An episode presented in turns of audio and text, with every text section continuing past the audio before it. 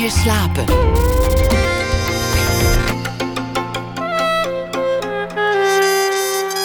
Met Liesbeth Staats.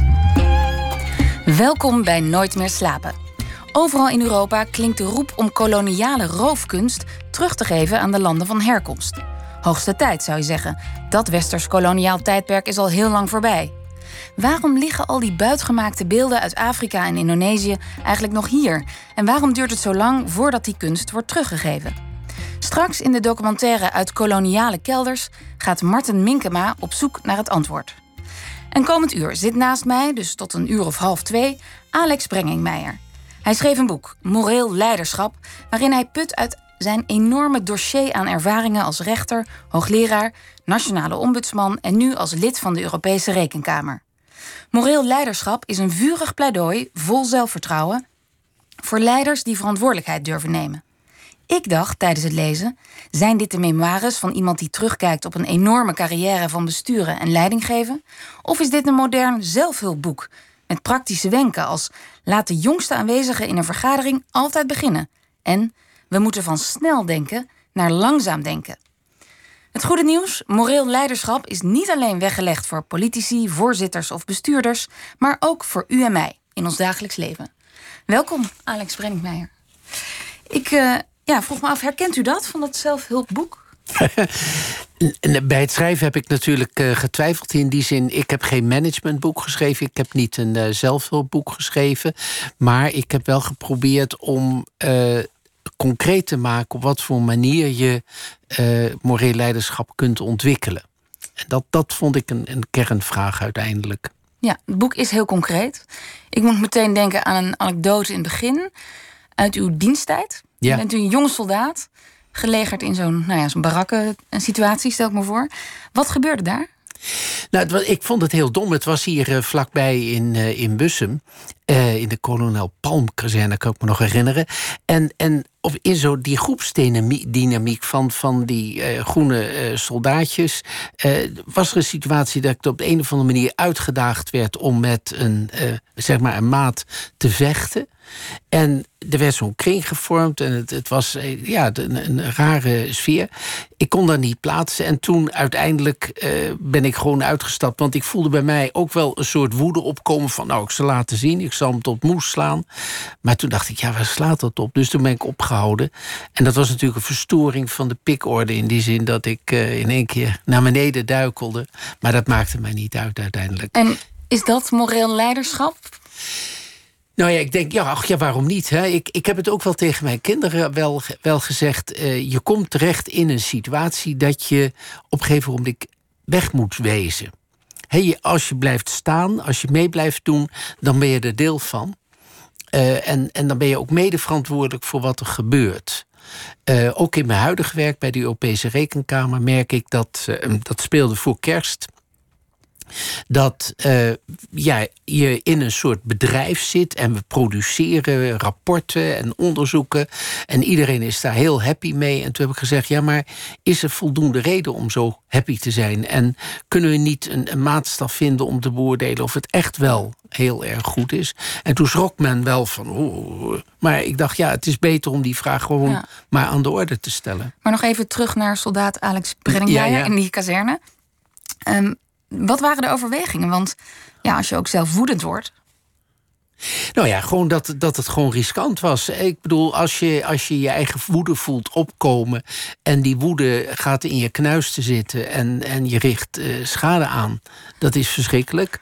Of omgekeerd, dat mijn, uh, mijn vechtgedrag uh, een reacties oproept... die ook weer, weer beschadigend zijn. Ja. Dus het is alleen maar een verliessituatie. En hoe reageerden ze? Nou ja, de, de, de, de, de, collega's die reageerden teleurgesteld. Die, die hadden zin in een goede matpartij. Ja, die vonden het wel leuk. Die wilden mij uitdagen. Ik denk ook dat het een beetje op mij gericht was. Gewoon om mij uit te dagen van... Uh, wat, wat voor een vent is dat? Ja. ja. En voordat um, de soldaat Alex Brenninkmeijer uh, gelegerd was... was er een jeugd in Amsterdam... wat voor soort jeugd was dat? En, en in welke jaren speelde die zich af? Jaren, ja, af, jaren, jaren 50? Ja. Jaren 50, wat ik, wat ik altijd mij bij is gebleven.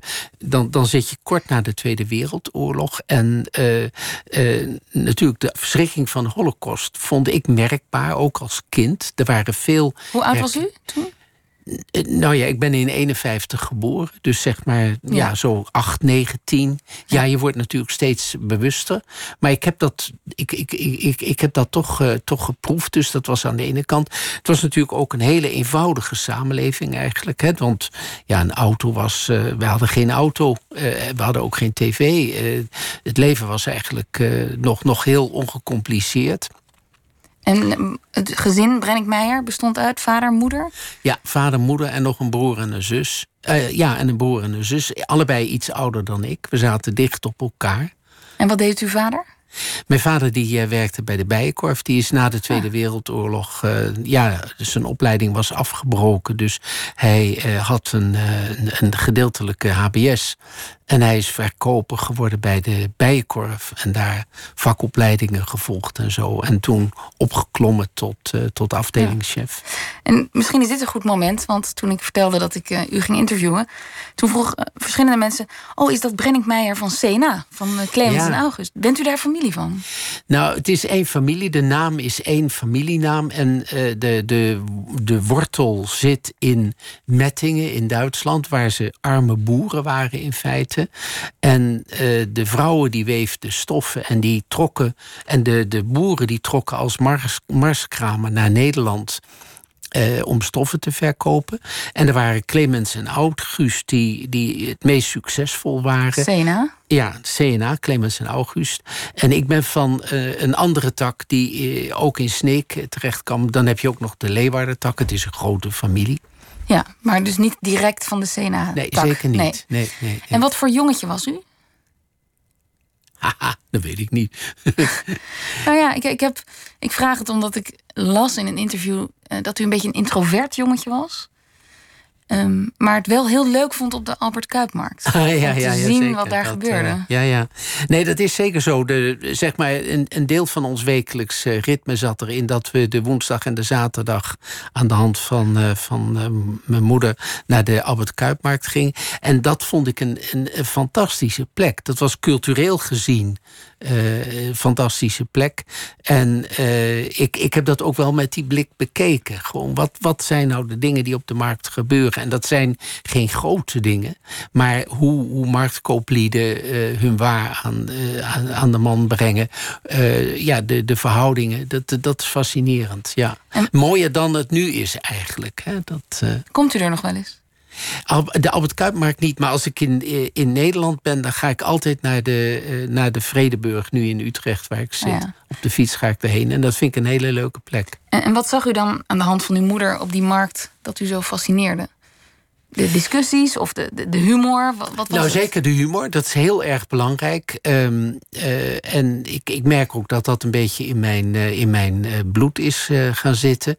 Um, en, en zeg maar dat, dat sociale gebeuren van met elkaar in de, in de praat rondom de handel van uh, groenten, levensmiddelen, maar ook de stoffen. Mijn moeder die maakte, was een dochter van een kleermaker.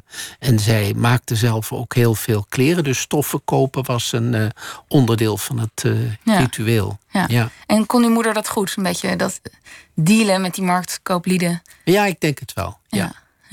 Mijn moeder was ook niet iemand die daarin heel expressief was. Maar nou, nee, ze wist heel goed wat ze deed. Dat, uh, ja. En um, inmiddels heeft u een heel indrukwekkend cv, een theoretische opleiding, universiteit gedaan. Maar het had weinig geschild of u was een hele praktische kant op gegaan. Ja, met mijn handen werken is altijd een, een, een, heeft een, sterke aantrekkingskracht gehad. Dus het, uh, zeg maar het verbouwen en uh, uh, met mijn handen werken, dat, dat, dat doet mij altijd veel plezier. Deze zomer tijdens het schrijven van het boek heb ik ook met mijn oudste zoon verbouwd. Verbouwd, oké. Maar was dat een. Dus u was niet het jongetje dat sowieso bestemd was voor de universiteit? Absoluut niet, want eigenlijk deed ik het heel slecht op school. Slecht zelfs? Ja, ik deed het slecht op school. En dat kwam ook omdat ik. Ja, ik weet niet, het is nooit een diagnose geweest, maar iets in de zin van dyslexie. Uh, dus ik maakte heel veel fouten. Ik werd heel onzeker. Dat werd toen ook helemaal niet aanvaard. Ik kan me nog herinneren de onderwijzer die met de rode pen aangaf dat ik voor de tweede keer weer andere fouten maakte bij het overschrijven, wat ik voor straf moest doen enzovoort. Dat dat, dat me echt een soort. Dat heeft mij heel lang nog een soort schrikbeeld opgeleverd dat ik dat gewoon helemaal niet kon. En daar voelde ik me heel onzeker van. En uh, mijn moeder die probeerde dat altijd te compenseren door mijn creativiteit. Ik tekende heel veel en ik was heel veel. Dus ze dacht, hij moet uh, in, in, de, in de grafiek, hij moet naar de grafische school. Dat is een goede bestemming voor hem. Ja, en u bent naar de middelbare school gegaan, niet meer in Amsterdam. Toen verhuisde het gezin naar Groningen. Ja. En daar schrijft u in uh, Moreel Leiderschap. Daar voelde ik eigenlijk voor het eerst dat bemiddelen tussen twee partijen, dat het me eigenlijk wel lag. Ja. In wat voor soort situaties was dat? Nou, ik kan me herinneren, op de middelbare school speelde dat wel. Ik kan me herinneren dat we in de klas een, een jongen hadden die heel moeilijk was. en uh, dat ik op een gegeven ogenblik ook min of meer een bemiddelende rol wel heb vervuld. En ik kan me ook herinneren dat een keer een, ja, hoe heette dat ook weer, een kerstsessie georganiseerd moest worden. En toen had ik een, zeg maar de leiding daarbij en al die verschillende krachten en zo uh, met elkaar in harmonie brengen, zodat er een goede voorstelling uitkwam. Uh, dat, dat vond ik heel erg leuk om te doen. Ja. En toen ging u rechten studeren. Ja. ja. Ja, en, en de keuze voor rechter was wel bewust in die zin dat ik, eh, dat ik eh, zeg maar een, soort een maatschappij eh, betrokkenheid had. En ik dacht, met rechten lukt dat het beste. Ehm, het was ook wel een beetje een contrast, want mijn broer was buitengewoon slim en natuurkundig. Hij heeft natuurkunde gestudeerd. En uh, eh, ik, ik, ik zat eigenlijk in een hele andere hoek. Dus de, de, echt het harde vak van een natuurkundige, dat, eh, dat, dat, dat, dat lukte mij gewoon niet. Uh, maar ik dacht, nou ja, met, met rechten, dat, uh, dat ligt me wel. En dat bleek uitzonderlijk goed te liggen. Dat was echt heel erg leuk. En wat was er zo fijn aan rechten? Nou, eigenlijk vanaf het begin af aan de kernvraag van wat is rechtvaardig? Dat, dat, dat heeft mij vanaf het begin af aan enorm gefascineerd. En uh, zo, zo heb ik ook altijd het, het juridische, de rechtswetenschap, maar ook de juridische beroepen uh, ervaren. Uh, dat, dat er toch, zoals vrouwenjustitia, de, de balans in de handen heeft, dat dat de kern van het recht is en de rechtswetenschap. En bijvoorbeeld een rechter die tot afgewogen oordelen moet komen. Maar hoe zit dat nou? En, en, en wat voor uh, verbindingen kun je erbij leggen? Ik kan me herinneren dat tijdens mijn studie uh, heb ik gesolliciteerd als studentassistent. En dat werd ik. En dat was ontzettend leuk. Maar toen, toen ben ik gaan schrijven over, uh, over het rechtsbewustzijn. En dat is eigenlijk iets wat in mijn boek ook weer uh, tevoorschijn komt. Dat in, er is een bepaalde periode geweest waarin uh, gesproken, geschreven werd over het rechtsbewustzijn. En dat is dus eigenlijk wat men ieder mens aan besef van rechtvaardigheid in zich heeft. En dat is natuurlijk heel opmerkelijk. Er is kennelijk iets wat mensen een, een, het idee geeft van dit is rechtvaardig en dat niet. Is dat aangeboren? Nou, beide. Ik denk dat het gedeeltelijk aangeboren kan zijn, maar ook uh, ontwikkel je het natuurlijk heel sterk. Als je er belangstelling voor hebt en er steeds naar kijkt, dan, uh, dan, dan word je daar steeds sterker in. En bij u was die belangstelling al vanaf jongs af aan, hoor ik, erg ontwikkeld. Had iedereen zo'n moreel kompas in de familie Brenkmeijer? In het gezin? nou ja, laatst had ik het er met mijn broer en zus over. Dat, uh, ik, ik beschrijf in het boek een situatie van uh, kolenschaarste in Amsterdam. En dat uh, wat was dat? De kolenschaarste? Ja, de, ik ben de, de grachten waren bevroren. Hè? Dat, dat kunnen we ons haast niet voorstellen. Maar dat was een lange tijd dat de grachten bevroren waren. En de grachten werden gebruikt als toevoerkanaal voor kolen. En er waren gewoon geen kolen te krijgen. En wij woonden drie hoog in Amsterdam. Dus met pakjes, eh, zakjes kolen eh, moest het bevoorraad worden. Maar die waren niet te krijgen. En toen was er opeens aanbod van kolen. En iedereen stormde natuurlijk op de kolenhandel af.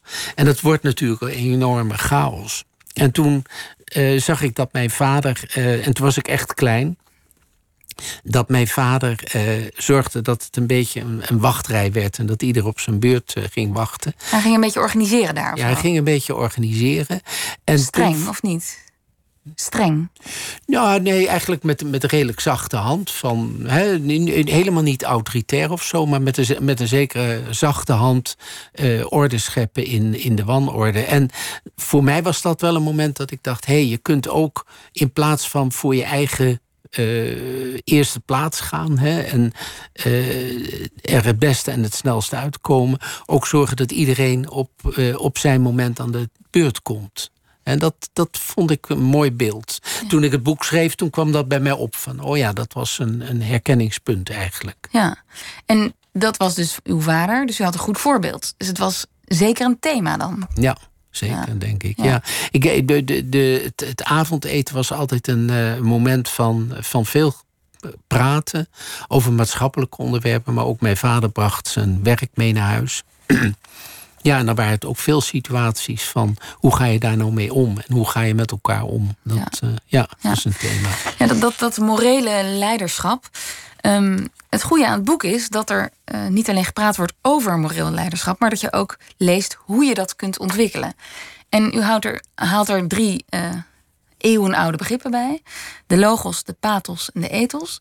Waar komen die begrippen vandaan en waar staan ze ook weer voor? Ja, uh, uh, ze komen onder andere uit de filosofie van uh, Aristoteles. Die heeft een heel mooi boek geschreven over retorica. En heel vaak wordt dat ook aangehaald, en ook door, door latere schrijvers wel over het onderwerp, als de drie, ehm, de drie pijlers om een overtuigend verhaal te houden. Bijvoorbeeld in de rechtbank hè, als, als advocaat. Maar ook de politieke redenaar kan uh, uh, tot overtuiging brengen. En dan krijg je dat, dat het betoog uit drie onderdelen bestaat. Namelijk het onderdeel, je weet heel goed waar je het over hebt. Je weet het goed onderbouwen. Je hebt goede argumenten. Uh, het tweede is dat je ook een bepaald gevoel weet over te brengen. Dat is de pathos, de logos. De pathos is, uh, is ook belangrijk. Je moet er gevoels naar raken. Maar uiteindelijk gaat het er ook om dat je bepaalde waarden overbrengt. En uh, toen ik dit goed op me door liet dringen, toen dacht ik, ja, maar je kunt het ook omkeren. Uh, je kunt ook zeggen, het gaat er niet om dat je iets, iets verkoopt met, met een sterk retorisch verhaal. Het gaat er ook om hoe je overtuigend bent. Mhm. En dat heb ik heel sterk gemerkt in de periode dat ik, uh, dat ik als ombudsman werkte. Dat ik in contact met heel veel uh, overheid organisaties, de politie, uh, het leger, maar ook de Belastingdienst, het UWV, gemeente. dat iedere keer de vraag is: hoe kun je nou als overheid op een overtuigende manier met burgers omgaan. Niet in de zin van autoriteit of uh, dit is de regel. Of... Er zijn natuurlijk allerlei manieren om dwingend en met een harde hand uh, de, de, de, de werkelijkheid ja, te handhaven. Ja. Maar je kunt het ook op een andere manier doen. En bijvoorbeeld bij de politie zie je dat A, de, de politie vaak mensen werft die daar een zeker talent voor hebben om uh, niet zonder meer autoritair op te treden, maar ook om aan te voelen hoe je overtuigend overkomt. En dat is eigenlijk de overgang van pure autoriteit uh, naar, naar gezag. Gezag uitoefenen. En logos, dat is de ratio, dat zijn de feiten, ja. noem ik het maar even. Ja. Dan de pathos, de emotie. Ja. Hoe voelt iemand zich daarbij? Kan ik dat zo uh, Ja, en, en natuurlijk. Ja, ja. En dan de ethos. Ja, de ethos. Kan het? Kun je het maken? Ja. En, en uh, waar sta ik voor? Dat is de, de, de kernvraag, vind ik, van het ethos. Um, en uh, wat, wat ik in mijn boek heb proberen duidelijk te maken, ook aan de hand van mijn praktijk, uh, die ik ervaren heb, dat je steeds een balans moet aanbrengen tussen die drie. Dus ratio is heel belangrijk. Maar op het moment dat je die ratio inzet als de zorgminuten dan merk je vanzelf wel in dat de thuiszorg of zo. Ja, ja, ja. Dat, de, je kunt zoiets rationaliseren, of in het onderwijs of waar dan ook. Uh, uh, dan moet je toch ook kijken van ja, wat voor gevoel roept dat op? Uh, uh, en dat gevoel kan ook je triggeren om eens na te denken van ja, maar waar sta ik eigenlijk voor? En waar sta je voor? Dus bijvoorbeeld goede zorg. En ik heb ook heel vaak gezien dat, dat in de zorg zijn dat dan vaak vrouwen ook uh, geweest. Dat met die hele privatisering van die zorg en dergelijke. Uh, veel mensen die vol overtuiging van, vanuit hun hart hun beroep hadden, dat die terechtkwamen in een administratie met zorgminuten en hou alles maar bij en alles wordt gecontroleerd, waardoor je niet meer toekomt aan dat wat je vanuit je hart eigenlijk zou doen. En u betoogt in het boek, ja, een moreel leider, die weegt eigenlijk altijd die drie begrippen uh, af. Ja, en, altijd, uh, dat lukt natuurlijk niet, want je moet heel vaak ook meer op je automatische piloot varen, anders dan, dan word je te traag en dat lukt niet. Maar er zijn situaties dat je gewoon even een stap terug moet doen en zeggen van, hé, uh, hey, waar ben ik mee bezig? Waarom doe ik het? Ja, en straks hoop ik te praten over hoe we dat allemaal in ons eigen leven kunnen toepassen. Maar zijn er voorbeelden van bekende grote leiders die u een moreel leider vindt? Nou, in mijn boek noem ik ze ook, omdat dat natuurlijk eh, een herkenningspunt te kunnen zijn. Eh, ik noemde eh, Nelson Mandela. Vond ik, die, die heb ik zelf meegemaakt, omdat hij een eredoctoraat in Leiden kreeg. Ehm, Martin Luther King is natuurlijk ook een heel duidelijk voorbeeld. Waarom? Waarom is hij Nou ja, de, zijn visioen hè, van I have a dream. En dat hij het, het, de, de ongelijkheid in de Amerikaanse samenleving wil, durfde te vertalen in een droom van. Uh, maar zo kan de samenleving veel eerlijker in elkaar zitten. En dat is dus ethos. Ja, dat is ethos. Zo hoort het niet. Ja, ja dat is zijn ja. principe. En Mandela, wat was dat voor een man toen u hem ontmoette? Um, nou ja, ik, in feite was het een vrij oppervlakkige ontmoeting. In die zin dat als college van decanen hadden wij besloten dat hij een eredoctoraat zou krijgen. Die ceremonie die werd in de Pieterskerk in Leiden gedaan. En ik had mede als taak om hem de kerk in te brengen. En ik kreeg als waarschuwing, pas op, want de vloer is heel erg eh, glad en mooi geboend. Want dat is een oneffen vloer met, met relieffen van grafstenen. En uh, waarschuw Mandela dat hij, dat hij niet struikelt. Dat was uw taak eh, die ochtend. Uh, ja, ja, die middag. Het was heel indrukwekkend met heel veel mensen erbij. En de koningin was erbij. En uh, het, het, het, was een hele mooie, mooie bijeenkomst. Heel ontroerend ook. Maar toen ik met hem de kerk inliep. En dan, dan ja, dat is natuurlijk ook een wat raar moment. Zei ik tegen, tegen Mandela: van pas op, de vloer ziet er heel mooi uit. Maar hij is ook oneffen. En, en wat ik toen merkte, en ik, ik denk dat dat heel essentieel is, hij stond even stil en hij keek zo. En hij, hij zei: What a beautiful floor. Hij reageerde direct op wat ik zei. En ehm, je maakt natuurlijk ook heel vaak mee dat, zeg maar, hoogwaardigheidsbekleders haast door je heen kijken. Hè? Mhm. Niet. En ik heb ook wel eens reflecties gehoord van, van mensen waar ik mee werk. Van het de enorme belang dat mensen het gevoel hebben van ja, maar je bent er ook. je, je hebt ook aandacht, je let op. In het nu. In het hier en Ja. nu ben je. Ja. En eh, dat, dat is voor eh, goed contact heel erg essentieel. Ehm, maar ik vond het ook in de, in de persoon van Mandela. En ik heb dat ook zelf geïllustreerd gezien. Eh, het is natuurlijk geromantiseerd in, in de film Invictus. Waar een heel dat is een mooi film moment over Mandela. over ja. het leven van Mandela. eh, en hoe hij eigenlijk die, die samenleving eh, gebracht heeft, die verdeelde samenleving, in de richting van zwart en blank gaan, eh, zwart en wit gaan. Samen toekomst, verder, samen moeten- verder. Moeten Toen, toen dan, dan zie je in het beeld dat Mandela het presidentiële paleis inloopt na zijn verkiezingsoverwinning. En de witte staf die is bezig in te pakken op de Amerikaanse wijze dozen te vullen en om, om weg te gaan. En hij ziet dat en terwijl hij dat zo ziet, heeft hij het besef, hij roept de mensen bij elkaar en hij, eh, hij zegt: Heeft u het idee dat u iets positiefs kunt bijdragen aan de toekomst van Zuid-Afrika? Blijf dan en help mee. En zo zorgde in ieder voor dat het niet was een wisseling van uh, wit naar zwart, maar een gemeenschappelijke inspanning. En dat was natuurlijk, denk ik, een heel uh, belangrijke uh, toegevoegde waarde van Mandela in het proces na de afschaffing van de apartheid. Geen afrekening. En mensen als Desmond Tutu heeft daar natuurlijk ook aan bijgedragen. De waarheidscommissies in plaats van een bijltjesdag. Want dat kun je je ook heel goed voorstellen. Mhm. Er was geen bijltjesdag. Er, er waren waarheidscommissies, er werd een gesprek aangegaan. En, uh...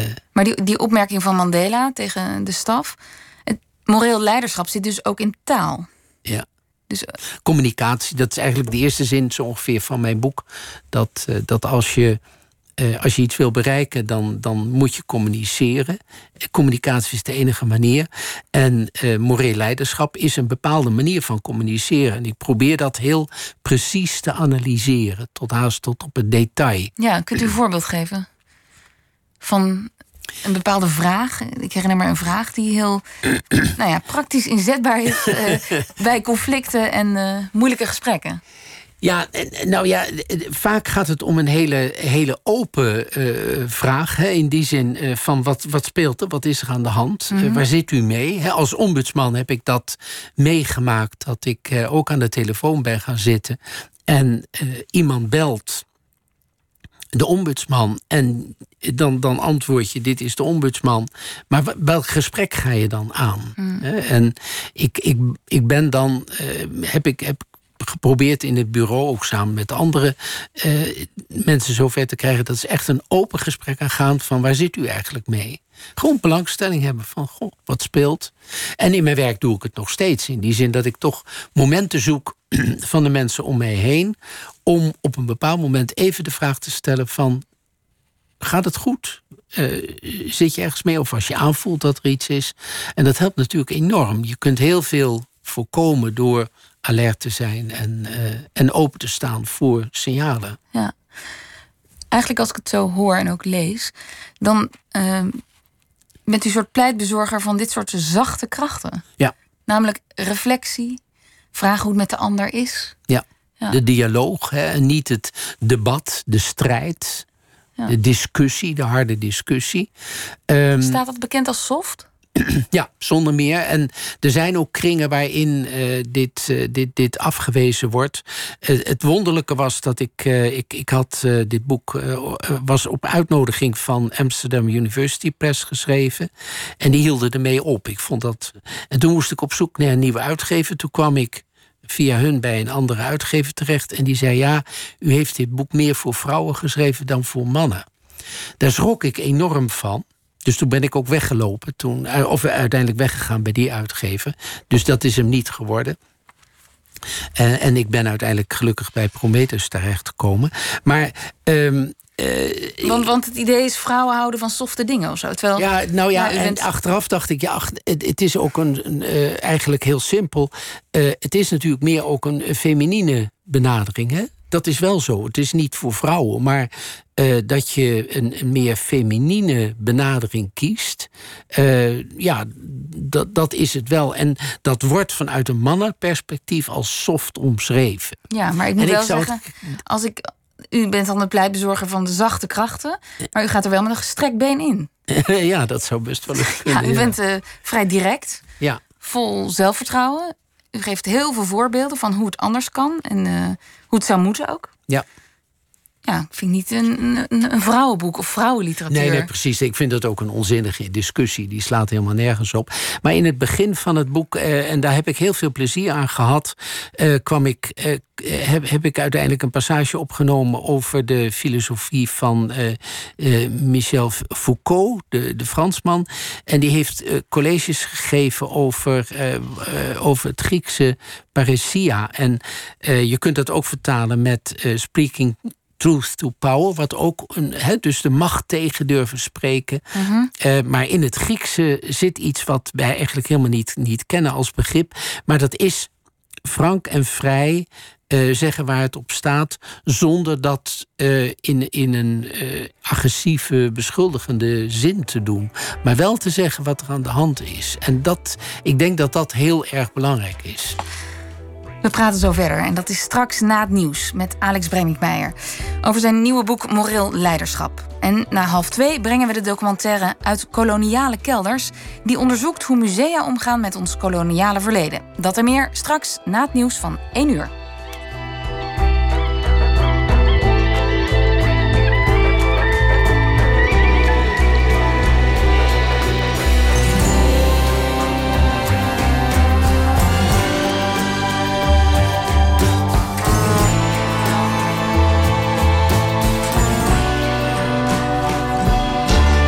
Radio 1. Het nieuws van alle kanten.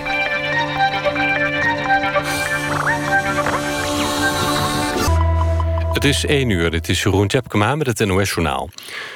Komend uur wordt er een Boeing 747 getransporteerd over de snelweg A9. De Boeing gaat als attractie dienen bij een hotel van vliegmaatschappij Corendon in Badhoevedorp. De snelweg is hiervoor de hele nacht afgesloten. Verkeer wordt omgeleid. Voor het transport zijn lantaarnpalen en vangrails tijdelijk weggehaald. De Boeing moet ook door weilanden en over sloten. Boeren hebben daarvoor een vergoeding gekregen. Het hele project heeft volgens Corendon miljoenen gekost.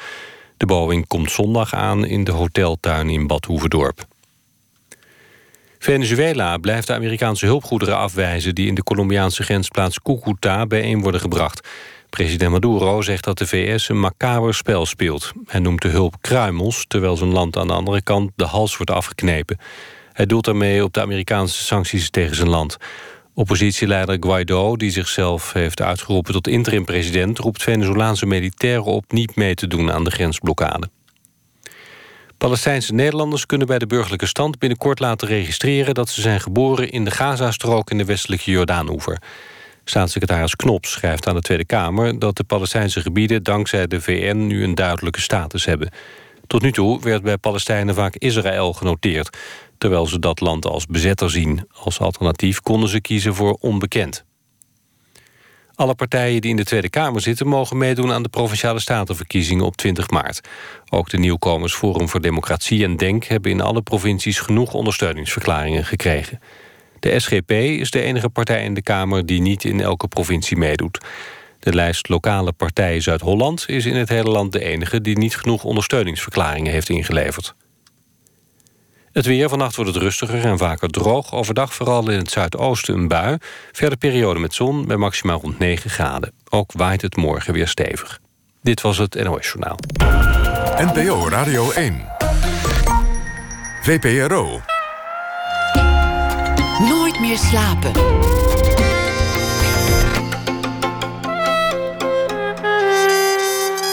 Met Liesbeth Staats. Welkom terug bij Nooit meer slapen. En naast mij zit nog steeds Alex Brenninkmeijer om te praten over zijn boek Moreel Leiderschap. Voor het nieuws hebben we het onder meer gehad over zijn Amsterdamse jeugd, moreel leiderschap dat iedereen aan de dag kan leggen. En we spraken over de rol van pathos, logos en ethos. We moeten het ook nog even hebben over Ehm, de verandering van eh, ons snelle denken naar het langzame denken. Dat, dat bepleit u. Wat bedoelt u daarmee? Ja, dat is de Nobelprijswinnaar eh, Kahneman... Die, eh, die heel veel psychologisch onderzoek heeft gedaan... naar hoe werkt ons brein. En hij heeft op basis van dat onderzoek onderscheid gemaakt... tussen snel denken en langzaam denken. En het snelle denken is eigenlijk het makkelijke denken. De snelle aannames, de oordelen, maar ook vooroordelen die je, die, je, eh, die je hebt. En die het leven heel makkelijk maken. Omdat je eigenlijk geen hersenenergie hoeft te gebruiken om, uh, om je snelle uh, denken uh, te onderhouden. Maar dat kan ook een lifesaver zijn. Want Tuurlijk. soms moet je ook heel snel denken en vluchten. Ja. Of ja, er, er, is heel veel geïnternaliseerd gedrag in die zin dat snel remmen met de auto, dat is een reflex geworden en dat is levensreddend. Uh, en, en, uh, maar er zijn heel veel situaties dat mensen gewoon in een reflex uh, reageren. Um, maar Kahneman betoogt dat je heel erg moet opletten, omdat er situaties zijn dat je wel degelijk langzaam moet denken. En ik vond dat heel interessant. En toen, toen dacht ik van ja, maar als je dan langzaam gaat denken, waar moet je dan aan denken? Wat, wat, wat gebeurt er dan eigenlijk? En daar heb ik die verbinding gemaakt tussen uh, de stap of de keuze. Dit is een belangrijke situatie. Hier moet ik eens op gaan letten. De Kahneman spreekt over een, eh, een, een mijnenveld wat je ingaat. Uh, dan moet je opletten. Maar wat doe je dan? En, en daar vul ik dan in de filosofie van Aristoteles. En dan zeg ik, dan kun je eigenlijk steeds een driehoek plaatsen en kijken van wat zijn de regels, wat zijn de procedures, wat, wat is de kennis en de wetenschap die we hebben, de logoskant en dan de pathuskant, wat is mijn gevoel, het gevoel van een ander en, uh, en de kernvraag is uiteindelijk wat is het ethos. En dus in belangrijke situaties moet je die afweging maken. Ja. En levert dat sterke leiders op?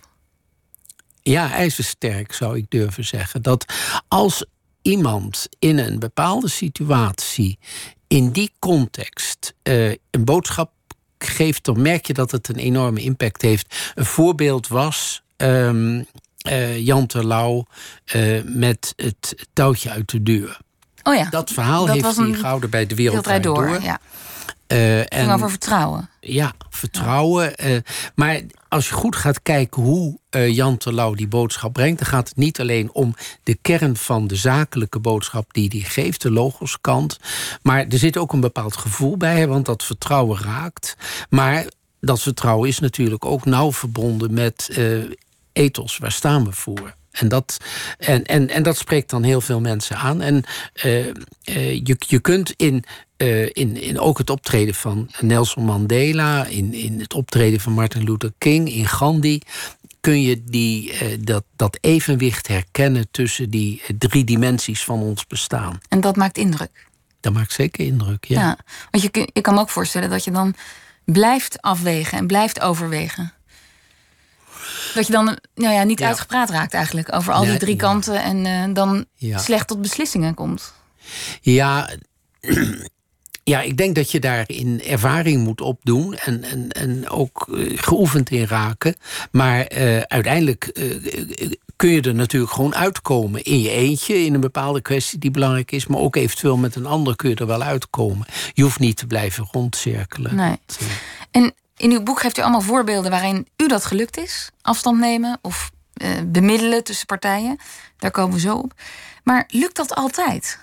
Neemt, heeft u altijd het idee van, nou ja, dit heb ik, dit heb ik moreel, als een moreel leider opgelost? Ja, ik, zo, zo, zo zie ik mezelf niet. Uh, dat vind ik een beetje aanmatigend misschien zelfs. Maar ik doe mijn best om uh, op, op, een, op, op deze manier te opereren. Vaak lukt dat wel. Kijk, als ik te maken heb met iemand die. of een situatie waarin puur macht wordt uitgeoefend.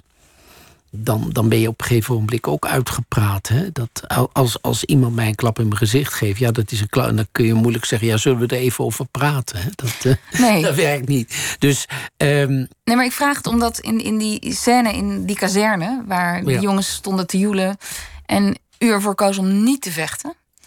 Um, dat is een heel goed voorbeeld, maar lukt dat altijd? Lukt het altijd om langzaam te denken? Ik denk dat als je voldoende ervaring ermee opbouwt, dat redelijk lukt. Ja. En, en je zult ook wel eens een keertje ontdekken dat je, dat je het gemist hebt. In die zin dat je toch meer reflexmatig gehandeld hebt. En dat je denkt van hé, hey, wacht even. En, en dat je dan misschien ook terug moet. Hè. Ik zeg in mijn boek ook, ja, je kunt ook op je schreden terugkeren. Je kunt uitkomen in een situatie, denk ik, van wacht even. Ik zie nu dat die ander uh, geraakt is. Op een manier wat ik helemaal niet had, had beoogd. Maar dan kun je alsnog daar het gesprek over aangaan. En dat, dat vind ik ook heel belangrijk. Ja. En uh, nog zo'n praktische aanwijzing. In vergaderingen zegt u: um, moet de jongste, de minst ervaren, altijd beginnen met ja. commentaar. Nou ja, dat, dat komt uit de rechtspraak. En dat heb ik zelf ook meegemaakt. Dat uh, zeg maar een kamer van drie rechters die beslist in een zaak, of vijf, daar, daar gold als wettelijke regel dat de jongste begint.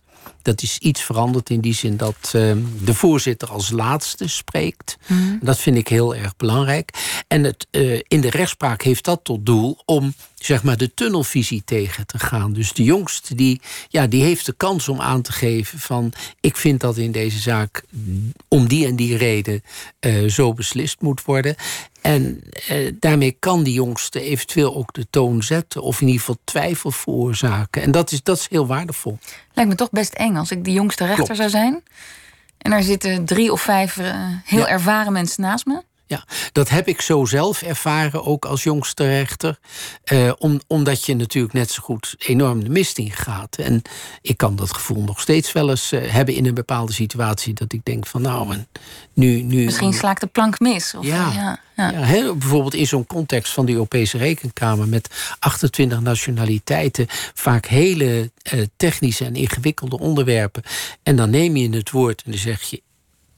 Ja, en dan ben je altijd een beetje de jongste natuurlijk. Hè? En, en dat fenomeen van die jongste, dat heeft u uit de rechtspraak Ja, meegenomen. Ja. En ik, ik pas het dagelijks toe. En eh, ik, ik heb het altijd. ik, ik vind de tafel waar je. Of, of staan. eh, eh, want dat kan natuurlijk ook. Maar. Ga maar eens eerst luisteren naar wat de, wat de indruk van de jongste is. En bouw op basis daarvan.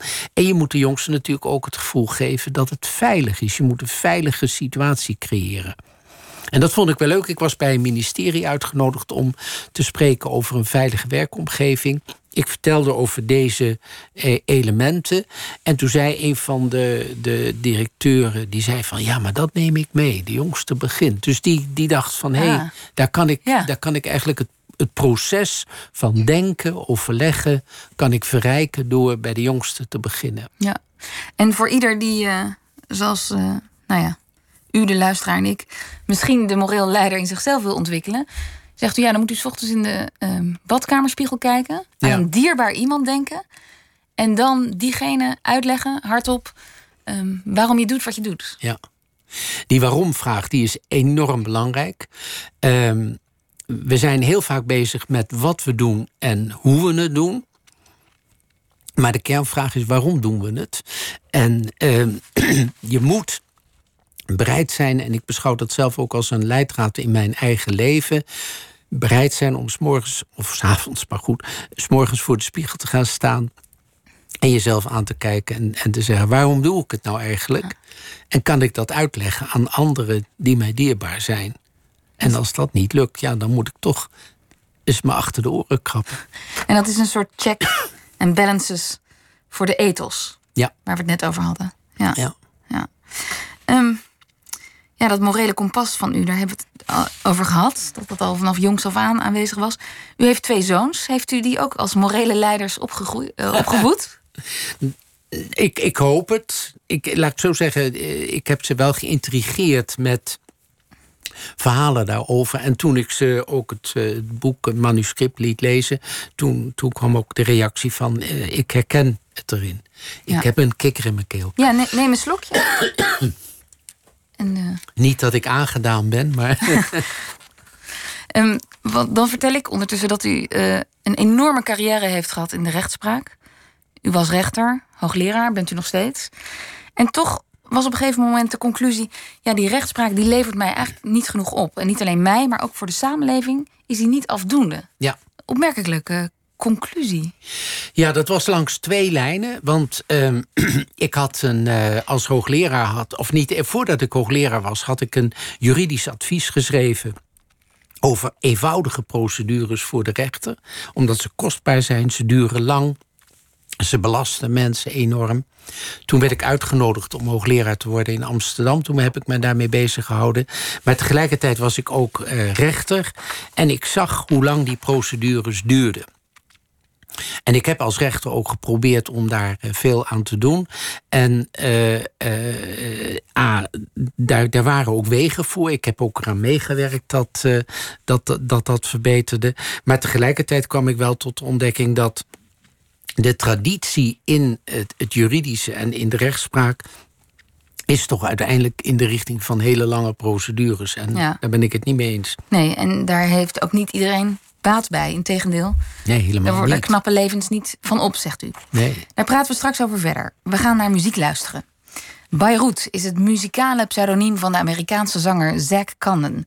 Zijn vijfde album, Gallipoli, is net verschenen. Hiervan luisteren we naar When I Die.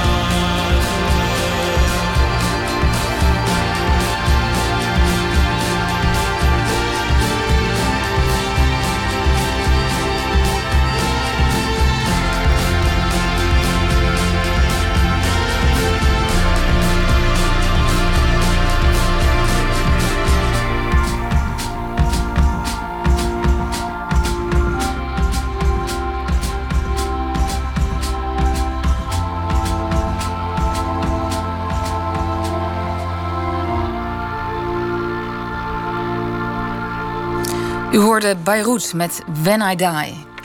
En wij spraken met Alex Brenningmeijer over de rechtspraak die hij verliet.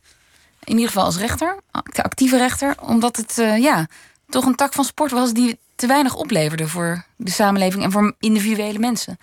U werd uh, ombudsman, want daar uh, heeft u, had u veel aan het begrip mediation. Ja. Wat is er zo fijn aan mediation? Klinkt ook een beetje als een soort ja, softe benadering van conflicten. Dat klopt ook inderdaad. Uh, er wordt tegenwoordig wel gesproken over het, het, juridische proces voor de rechter als een toernooi. Waar partijen elkaar bevechten, desnoods op leven en dood. En denk maar ook aan bijvoorbeeld de vechtscheiding, wat natuurlijk een voorbeeld is. Uh, uh, erop of eronder. terwijl als je een goede analyse maakt van wat gebeurt er bij een conflict en hoe kunnen partijen, mensen uit een conflict komen, dan is dat niet met een, een vechtpartij.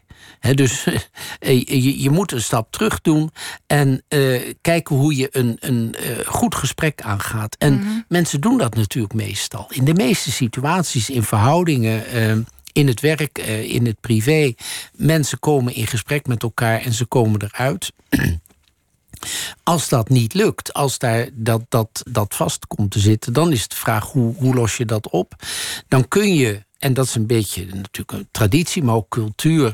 Kun je dat juridisch inrichten en, en gaan procederen. Maar dat duurt lang, dat is kostbaar, dat is frustrerend. En het blijkt dat dat heel vaak het probleem niet oplost. Het onderliggende probleem is toch een, een goede verstandhouding, een goede relatie. En daar moet je aan werken. Ja.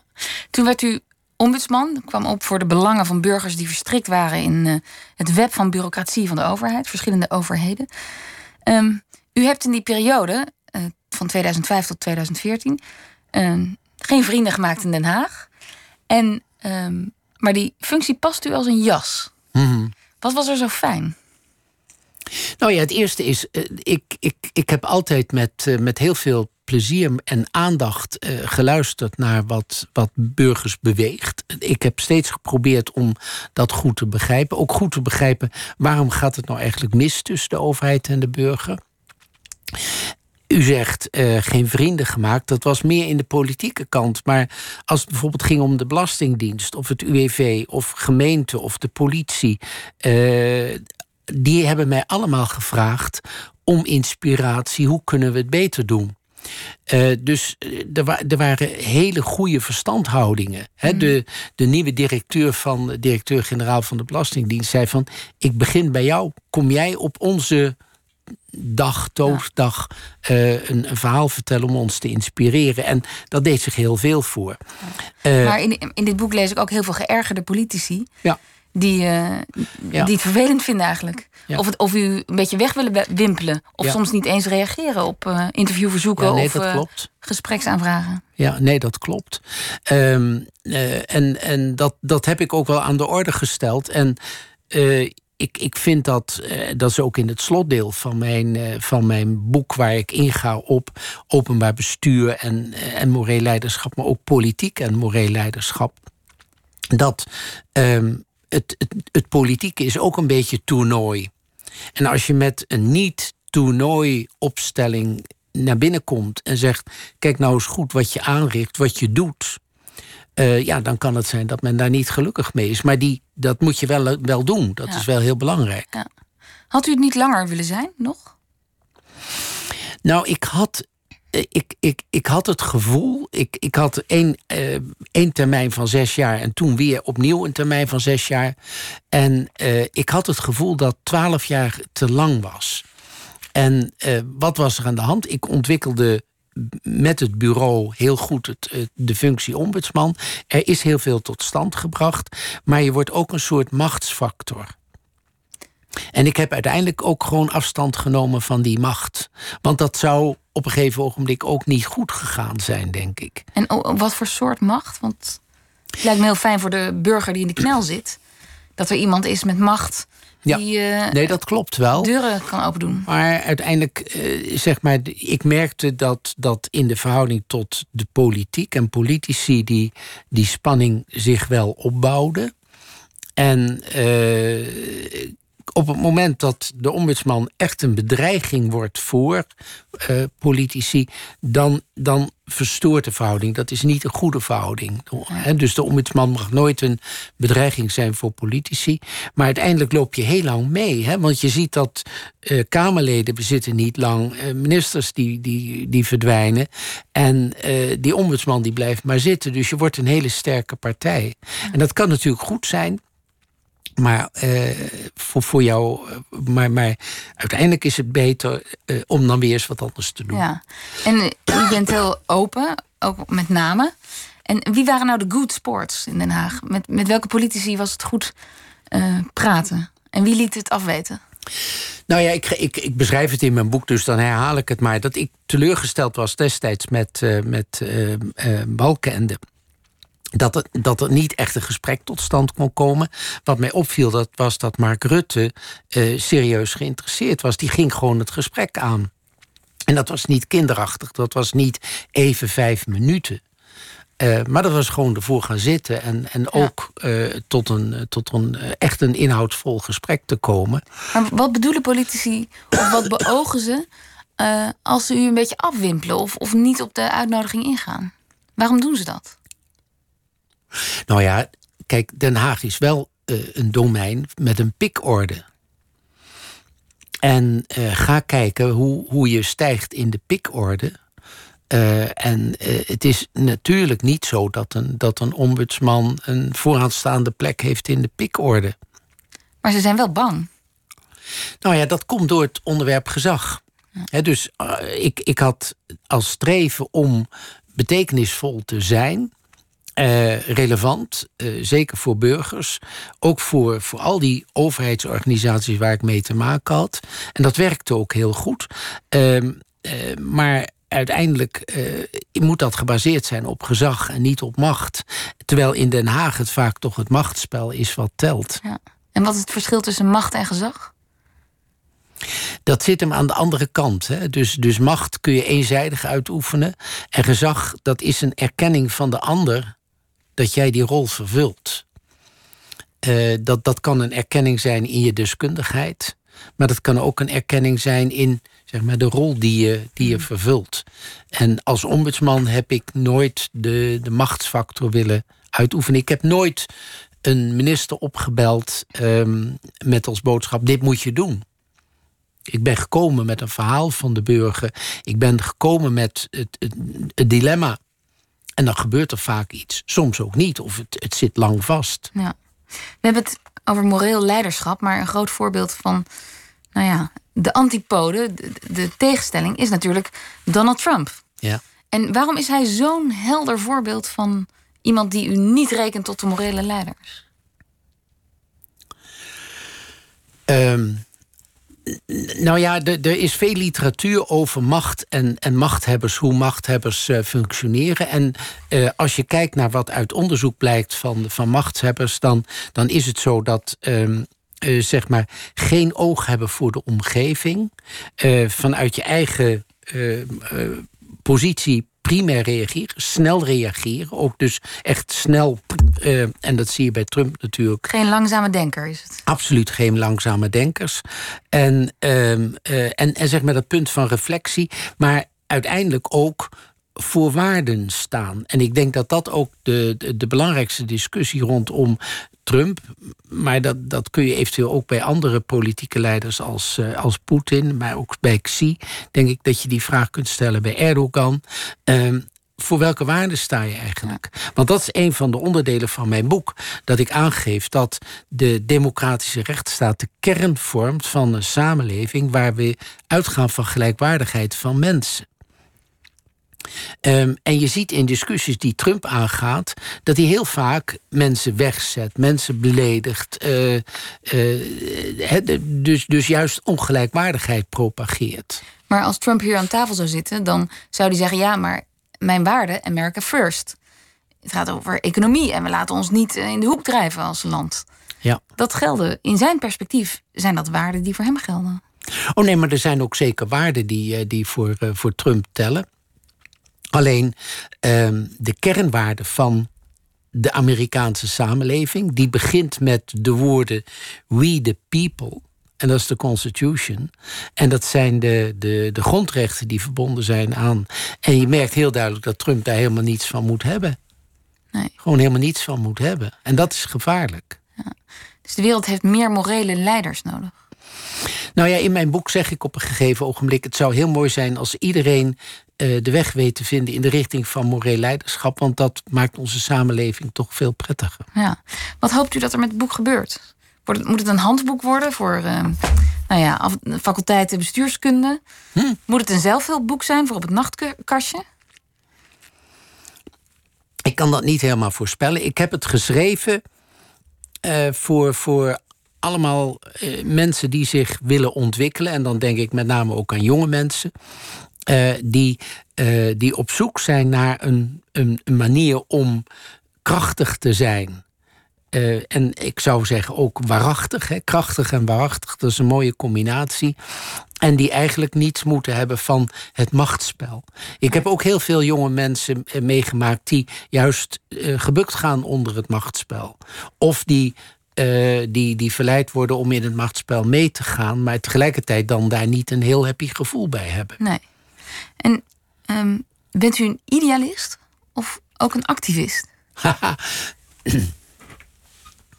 Het is namelijk uh, op. Uh, ja, het klinkt een beetje raar, ik wou zeggen op hoge toon geschreven, maar u bent heel erg uh, energiek en stuurt heel overtuigend trouwens in een bepaalde richting. Dus er moet wel iets gebeuren met de mensen die dit hebben gelezen. Dat hoop ik wel, ja. ja. Dat, Maakt dat, dat u activistisch? Raken. Nou ja, ik, ik denk, ik, ik, ik voel me meer een idealist. En uh, uh, een, een, een krachtig idealist. En je zou kunnen zeggen, uh, ook de retor. In mijn boek ben ik ook wel de retor, waarin ik niet alleen de logos van zo doe je dat, maar er zit wel degelijk een pathos achter, een, een, een bepaald gevoel over, over de samenleving en over mijn rol in. En uiteindelijk het ethos van waar staan we voor. En dat is het allerbelangrijkste. Ja.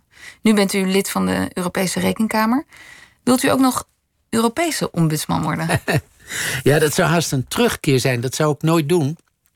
Ik ben ombudsman geweest. Ik, ik heb gesolliciteerd als Europees ombudsman. Ja. Maar dat is heel politiek ingevuld. En ze hebben een hele goede vrouw gevonden, Emily O'Reilly, als, uh, als ombudsman. En uh, ik, ik ben nu bij de Rekenkamer. En dan, dan is het een gepasseerd station. Ik ben al verder, ik ben op een andere weg terechtgekomen. En waar leidt die weg dan naartoe? Och, wie weet. Zijn er nog plannen? Ja, u bent 67, 68. Ja. Um, ik krijg niet de indruk dat u uitkijkt naar pensioen of zo. Nee, nee, nee, nee. Ik, ik heb het enorm naar mijn zin. Ja, ja. ja. Kunt u zonder werken, zonder dit soort boeken schrijven? Oh, jawel, jawel, of... tuurlijk. Ja, ja. Nee, ja? Dat, toen, toen, ik, toen, ik zes jaar ombudsman was... toen heb ik een, uh, voor mezelf een, een, zomerperiode genomen om niks te doen. En toen heb ik een mooie tafel gemaakt van notenhout. En dat heeft me heel veel plezier gedaan. Zelf? Dus, ja, helemaal. Ah, daar, daar, was het jongetje dat met zijn handen ja, precies. kon werken. Dus er zijn hele andere kanten van het leven... die ook heel erg leuk zijn.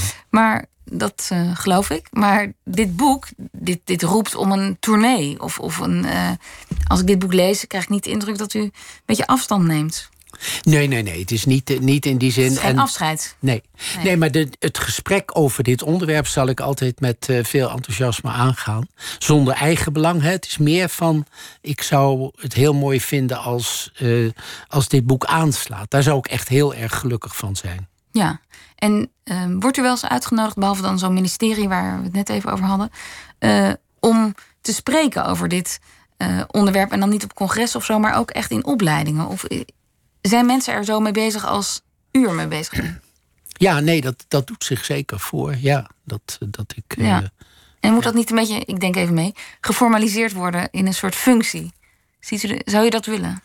Nou, ik, mijn ervaring is dat. Um, uh, het op allerlei plekken kan. En uh, op, op een gegeven moment weten ze me wel te vinden. En als het past dan uh, in mijn agenda, dan, dan doe ik graag mee. Ja. Dat, ja.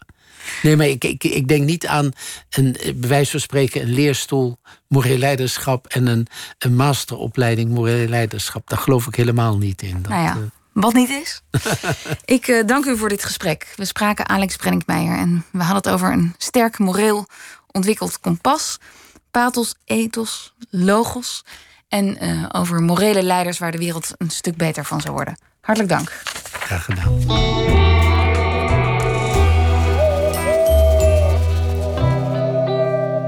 Zangeres Christina Cohn vormt met haar man Andrew Doherty het duo Francis Cohn. Hun nieuwste album is onlangs verschenen en we draaien het titelnummer Late Riser.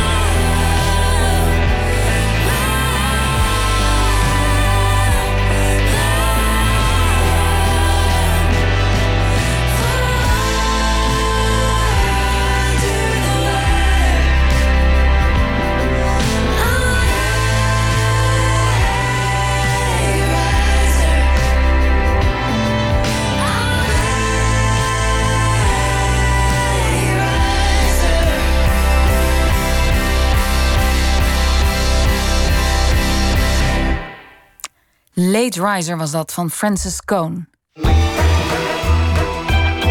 Nooit meer slapen. Het laatste koloniale bastion binnen Europa. Zo stond het Koninklijk Museum voor Midden-Afrika tot voor kort bekend. Het imposante, paleisachtige instituut bij Brussel is ooit gebouwd door Leopold II, de koning der Belgen die afschuwelijk liet huishouden in zijn privékolonie Congo. Een gebied meer dan 76 maal groter zelfs dan België, waar hij zelfs trouwens nooit een stap heeft gezet. Maar Leopold stopte zijn museum wel vol met schatten uit de Congo en liet zijn initialen achter in zowat elke zaal. De heropening van het Afrika Museum moest een nieuwe tijd inluiden en het koloniale verleden van zich afschudden. Maar de initialen van Leopold staan nog steeds op de plafonds. In de documentaire Uit koloniale kelders bezoekt radiomaker Martin Minkeman het museum en hij onderzoekt waarom het zo moeilijk blijkt om koloniale roofkunst terug te geven. Tram 44 die brengt je in 20 minuten van Hartje Brussel naar Tervuren, ten zuidoosten van de stad.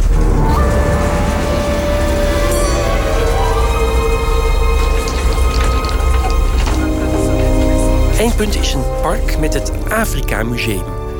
Met hele hoge zalen. Paleisachtig is het. Ooit gebouwd in opdracht van Leopold II, koning van België en verantwoordelijk voor de dood van talloze Afrikanen in zijn eigen privékolonie, de Congo.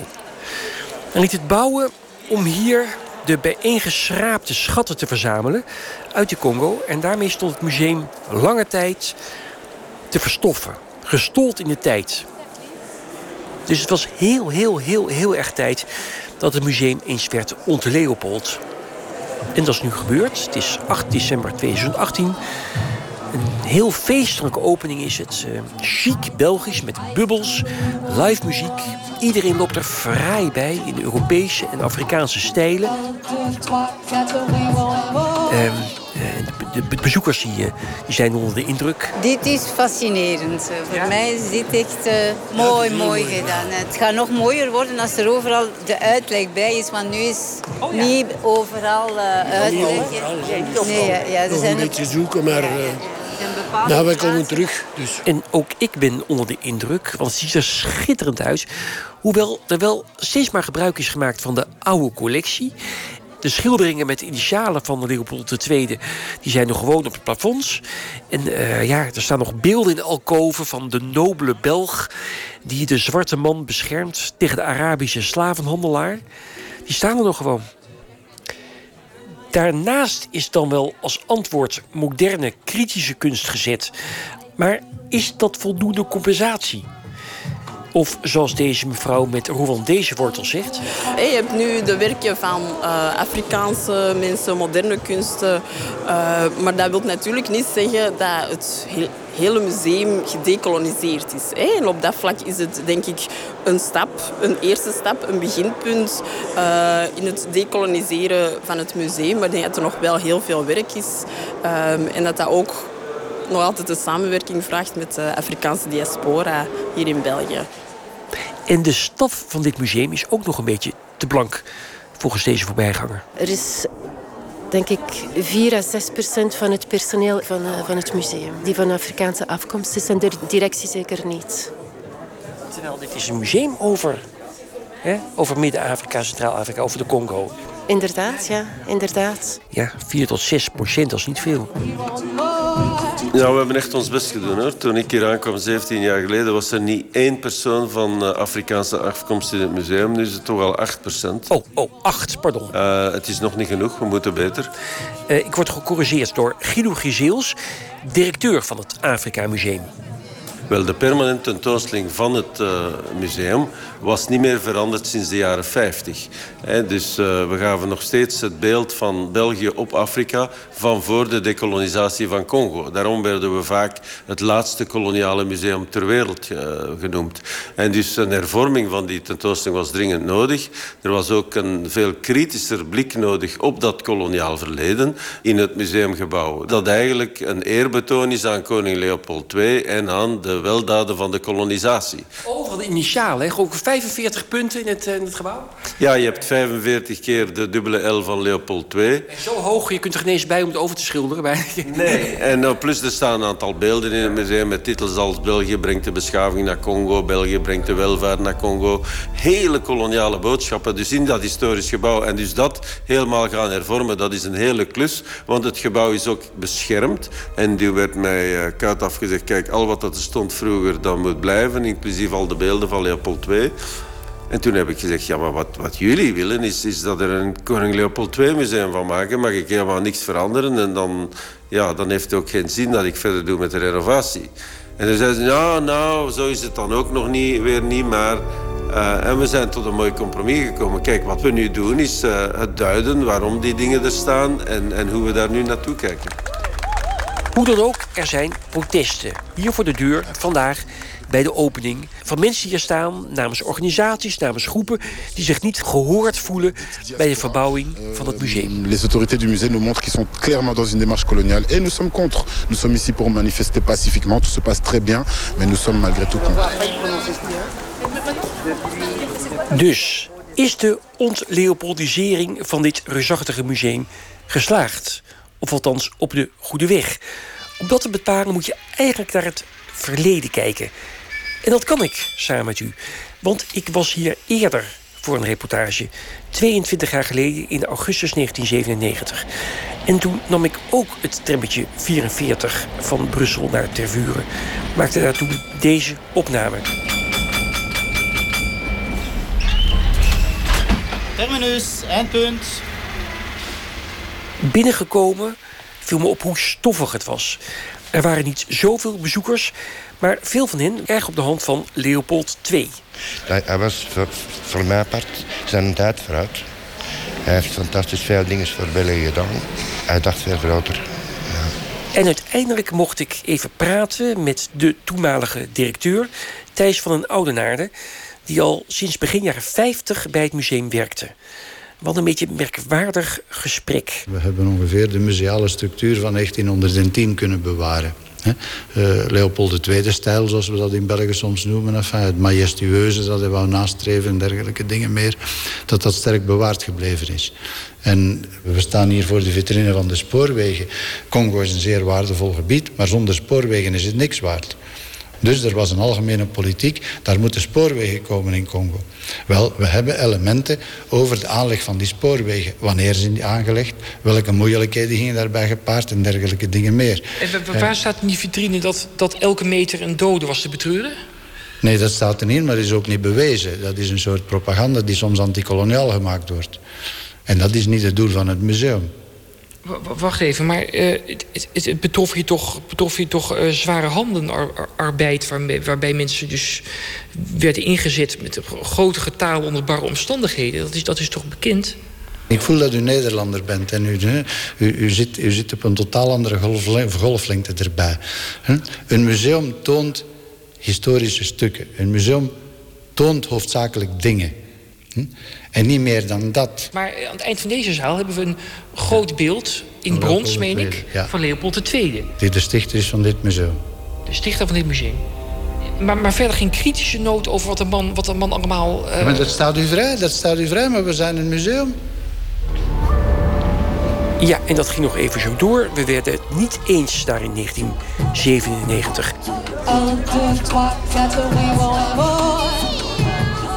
Voor het contrast nu snel weer terug naar het heden. Naar het net heropende Afrika Museum... waar een groot team alle zalen zorgvuldig opnieuw heeft ingericht. De borstbeelden van Leopold verdwenen... maar andere dingen kregen juist weer de ruimte. Projectleider Sabine van der Hoorn wijst op een gerestaureerde, opgezette chimpansee. Dus die chimpansee die hier hangt... Die oh, zijn, kijk, er hangt een chimpansee ja. helemaal op drie meter hoogte. Opvallend geslachtsdeel, zeg maar. Even kijken hoor, zie ik niet goed. Oh ja, ja, ja. enorme dus, ballen. Ja. ja, je kan zeggen dat deze aap ja, in ere hersteld is. Want het is eigenlijk bij de restauratie dat die uh, ballen weer terug zijn gevonden. Want het was vroeger gebruikelijk dat je dat dus vooral niet toonde. Dus het werd vaak naar binnen gewerkt. Oh, ja. En nu was de chimpansee bij het restauratieatelier en werd... Uh, Garin, mijn collega, gebeld van ja, wilt u dat we hem echt helemaal restaureren? En, Hoe bedoelt u? Ja, precies, natuurlijk. Ja, echt helemaal? Ja, natuurlijk. Ja, maar we hebben wel wat teruggevonden. En, uh, in de ja, buik? In, die buik, zit dat, dan weggewerkt. Ja, wel bewaard. En ze hebben hem dus nu weer gewoon uh, ja, naar buiten ge... Nu mag het weer. Ja. Nu, nu mag het weer. Ja, het is een uh, soort bevrijding. Intussen werd het museum dus ook bevrijd van alle borstbeelden van Leopold II. Van allemaal? Nee, er is nog eentje. Neergezet door deze mevrouw. Ja, ik ben uh, Gonda Geets en uh, ik werk in het Afrika Museum. En ik werk vooral aan uh, de ressourcenzaal, de zaal rond de rijkdommen. En de paradox van de rijkdommen. En ja, in de hoek van die zaal, een vitrine met, nou, zover ik weet, het enige borstbeeld van de stichter van, van het museum, Leopold II. Die heeft u daar neergezet, hè? Ja, uh, dus wij hadden sowieso al met het ganse museum was besloten van kijk, we gaan Leopold II niet meer op zijn sokkel plaatsen. Omwille van de historische context. Ja. Uh, in deze zaal wou wij wel absoluut één vitrine, één zijvitrine eraan wijden aan de geschiedenis van het museum. En dan kom je bij die resources terecht. Mm -hmm. En dan kom je natuurlijk ook bij Leopold II terecht. Ja? En waarom dat die hierin staan en waarom dat dit beeld er speciaal in staat... is omdat dit beeld helemaal uit die vorige gemaakt is. Dus het linkt goed met de resources die toen gebruikt werden. Dat er toen een beeld gemaakt werd uit Ivoor, natuurlijk ook van Leopold II, dat is, dat is ondingbaar nu. Ja, dus... Een borstbeeld van de koning in Ivoor. Ja. Nou ja, symbolischer kan niet, hè?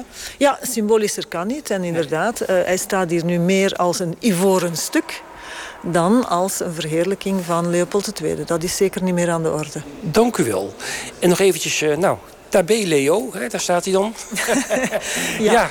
Nu, Ik, ik, hoop dat de mensen niet alleen naar deze zaal komen om het... Uh, het om Leo te zien. Ja, nee, want eigenlijk, eigenlijk uh, als je goed kijkt in hij de zaal... In een hoekje, hij staat in een hoekje ook. Ja, en als je goed kijkt in die zaal, dan is er heel veel licht en heel veel fantastische beelden. En um, ja, het gaat eigenlijk vooral over wat is er van mogelijkheid en potentie en hoe wordt dat gebruikt in Centraal-Afrika. Ja. 1, 2, 3, 4, we want more. 1, 2, 3, 4, we want more. En het was heel druk op die feestelijke opening, op die decemberdag 2018. Met honderden genodigde bezoekers in de wel 10, 20 meter hoge zalen.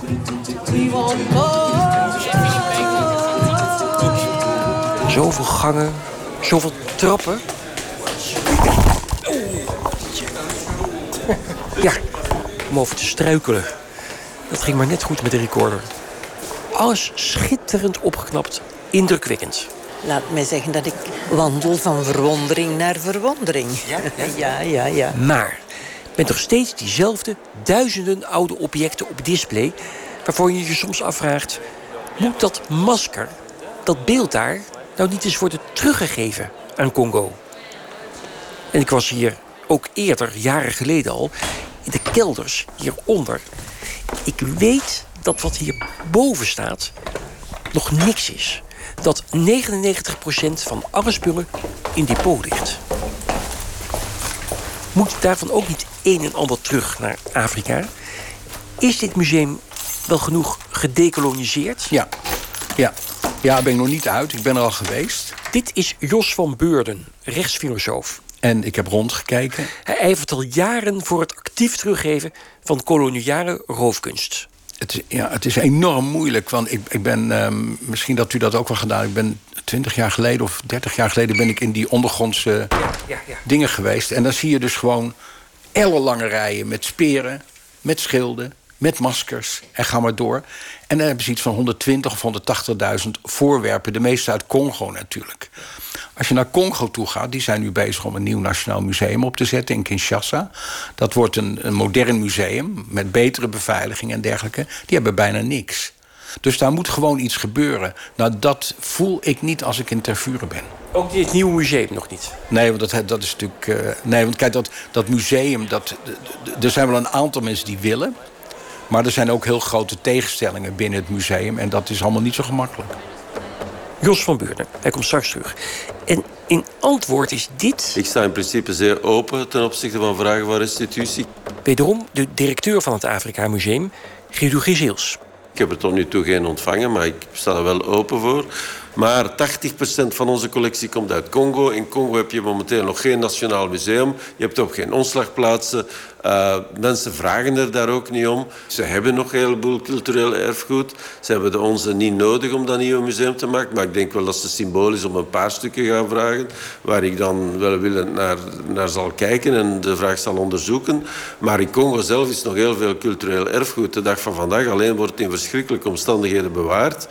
Uh, maar uh, eens het nieuwe museum er is, dat momenteel gebouwd wordt door de Koreanen. En ik verwacht dat het eind volgend jaar zal opengaan, dan, dan zullen we de hele kwestie opnieuw bekijken. Ik verwacht tegen dan wel een vraag van wie op dat moment president is uh, om een aantal stukken terug te krijgen. Dat klinkt toch niet erg als het initiëren van terughaven. Mijn indruk is dat ze in België nog niet zo ver zijn als hier in Nederland, schat ik zo in. Nee, dat is een vooroordeel. Nou, dat heb ik helemaal mis, zegt Jos van Beurden. Het is wel zo dat Congo werd later onafhankelijk dan Indonesië. Dus die discussie schuift dan ook op. Maar wat heel belangrijk is, is dat uh, de minister van Buitenlandse Zaken, Didier Reinders... die heeft in september gezegd dat restitutie een mogelijkheid moet worden. Nou, ik heb nog niet één Nederlandse bewindsman of vrouw horen zeggen dat wij eens moeten gaan nadenken over teruggaven. Dus Nederland loopt echt achter.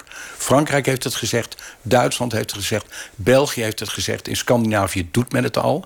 En in Nederland heb ik nog niet één bewindsman gehoord. Dus de Fransen zijn aan het helen, hè? Met, uh, met, uh, Hoop ik. De, de Belgen zeggen we willen helen. Hè? Klein beginnetje, heel klein. Ja. Maar de Nederlanders? Nee, die doen dus nog niks. Eigenlijk een van de meest iconische discussies over terughalen van Afrika gaat over de Benin-objecten. Ja.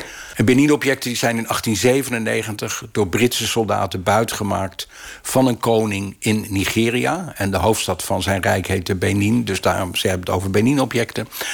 En uh, die hebben toen 3.000, 4.000 objecten meegenomen. Nou is er in 2010 is er een dialoog begonnen tussen een aantal uh, westerse musea en de culturele autoriteiten in Nigeria. In Leiden, daar staan er 60 op zaal, mooi uitgebeeld. Er is nog niet één object teruggegaan. Annette Smit is conservator Afrika bij de Nederlandse Musea voor Wereldculturen, de beheerder van de Benin Bronzen. Ja, en hier in Museum Volkenkunde hebben we één zaal helemaal gewijd aan de Benin Bronzen. Het zijn inderdaad hele mooie, zijn hele mooie koppen. Ja, het zijn prachtige koppen. Een jaar of drie, vier geleden stonden we hier ook voor de vitrine. Uh, voor de audiotour. En jouw laatste zin was toen... je kunt je afvragen of ze, of niet, of ze niet daar beter tot terecht zouden komen. Zo'n soort zin. Hè?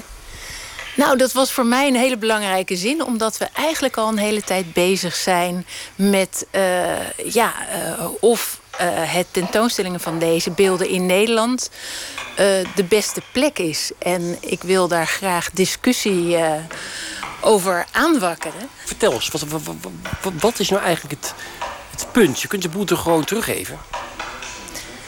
Nou ja, teruggeven aan wie? Bijvoorbeeld, dat vind ik een hele belangrijke vraag. In principe zijn deze objecten uit, afkomstig uh, uit het paleis van de koning. Er is nog steeds een koning. Maar wij zijn een nationaal museum. Uh, we werken meestal samen met musea-collega uit de landen van herkomst van onze collectie. Je hebt de Nigeriaanse staat. De, de museumcollectie in Nederland is een staatscollectie al die complexiteit, dat, dat bemoeilijkt het proces. En ik zit om te draaien. Stel je voor dat... Uh, stel dat, uh, dat de nachtwacht, hè? Dat die uh, de Nigerianen die Nederland gekoloniseerd hadden... Hè? mee hadden genomen... en de nachtwacht zou nu hun lagels hangen. Hè? Dat zou ik ook niet leuk vinden. Zeg, geef terug die nachtwacht. Ja, prima. En dan zeggen ze ja, maar wacht, ja, maar het is ligt een beetje moeilijk. nou ja, ik denk dat de Nigerianen... Melkmeisje ook meteen erbij alles teruggaan. Nou ja, ik, ik denk uh, dat de Nigerianen... Een eerste vraag zou zijn... waarom ben jij degene die dat terugvraagt? Want uh, zou, zouden Nigerianen hem dan teruggeven aan het Rijksmuseum in Amsterdam? Of zou ze bijvoorbeeld teruggeven hier in Leiden? Rembrandt is ge, uh, geboren hier in Leiden. Maar ik kan me ook voorstellen dat zij, zijn, zijn werkplaats stond in Amsterdam. Dat mensen in Amsterdam denken, nee, daar hoort hij beter thuis. Maar, maar, maar, zou jij als Nederlander ook niet zoiets hebben van... nou, schiet je een beetje op? Terug met die nachtwacht en het melkmeisje? Ja, dat, dat, dat weet ik niet.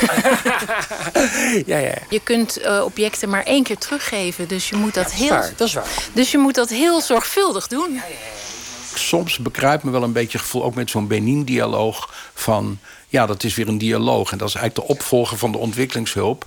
En daarmee gaan ze het weer glad strijken. Want we, we zijn gewoon bevriend met elkaar. Maar we zijn niet bevriend. We zijn gewoon tegenstanders op dit vlak van elkaar. Kijk, heel veel van die mensen in het Westen ook... die hebben de beste bedoelingen, daar gaat het helemaal niet om. Maar je zit gewoon aan de tegenovergestelde kant van de tafel. Westerse conservatoren, musea zijn er vooral op uit om objecten te houden... en niet om ze terug te geven. Nou, zo zie ik dat helemaal niet. Uh, ik denk dat als wij de spullen willen houden... dat we dan die discussie niet waren aangegaan. Want dat maakt het alleen maar moeilijker. Maar het is een complex uh, proces en uh, zorgvuldigheid kost tijd het is, het is ook, een, het is ook symbool om ze, terug, om ze terug te geven van zijn verhouding is even veranderd. We, we, we gaan het anders aanpakken. We gaan ons met elkaar om. Ja, dat is absoluut zo. Nou ja, in die zin leven in een nieuwe tijd. En in de 21ste eeuw. En zeggen we nu van, uh, wat dat betreft is de discussie echt gekanteld. Dat merk ik ook erg in de media en ook onder het publiek. Mensen zijn veel beter geïnformeerd. En vroeger, als je het over dit soort objecten had... dan zeiden mensen, ja, maar kunnen ze er daar wel voor zorgen? En nu is veel meer de vraag van, maar mogen we ze wel hier houden? Als ik tien jaar geleden rondleidingen gaf in het museum, eh, dan stopte ik altijd bij deze beelden. Legde ik de geschiedenis uit over de herkomst van die beelden. Dat ze afkomstig zijn eh, van een strafexpeditie. En dan, stel, dan vroeg ik altijd aan het publiek de vraag: als ik nou met een 3D-scanner deze beelden allemaal zou namaken. En dat kan tegenwoordig zo goed dat je het verschil tussen een kopie en het echte stuk bijna niet meer kunt zien. En ik zou de originele terugsturen naar Nigeria en de kopieën hier in de vitrine zetten. Zou u dan nog komen? En tien jaar geleden zei iedereen unaniem: nee, dan zouden we niet meer naar het museum komen. Tegenwoordig, dan steekt 10% van het publiek zijn vinger op. Ja, dat betekent dat nog steeds 90% niet zou komen. Maar er is wel iets van schuiven. Maar er is iets aan het schuiven. Eh, geef maar toe, we kijken al jaren naar kopieën, toch? Nee. Oh, nee? nee. Maar ik, ik zou er heel blij mee zijn als, als mensen uh, dit verhaal zich ook aantrekken. En dat, dat ons ook de mogelijkheid geeft om dit soort objecten uh, te laten reizen. En dat het publiek in Nigeria, de, de kinderen van degene die deze objecten hebben gemaakt, ook de mogelijkheid krijgen om deze objecten zelf te kunnen zien.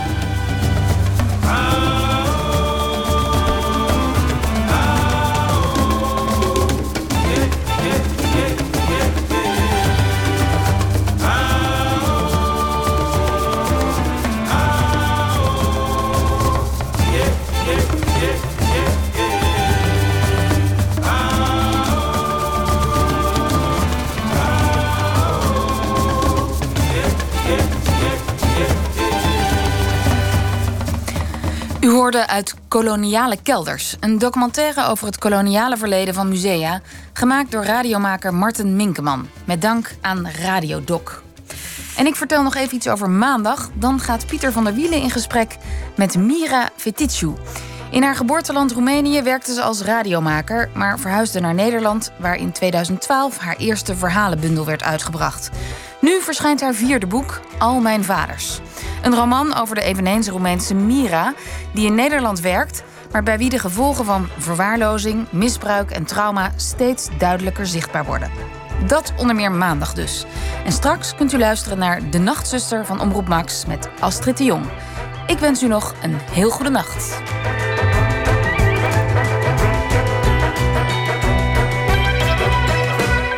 Op Radio 1, het nieuws van alle kanten.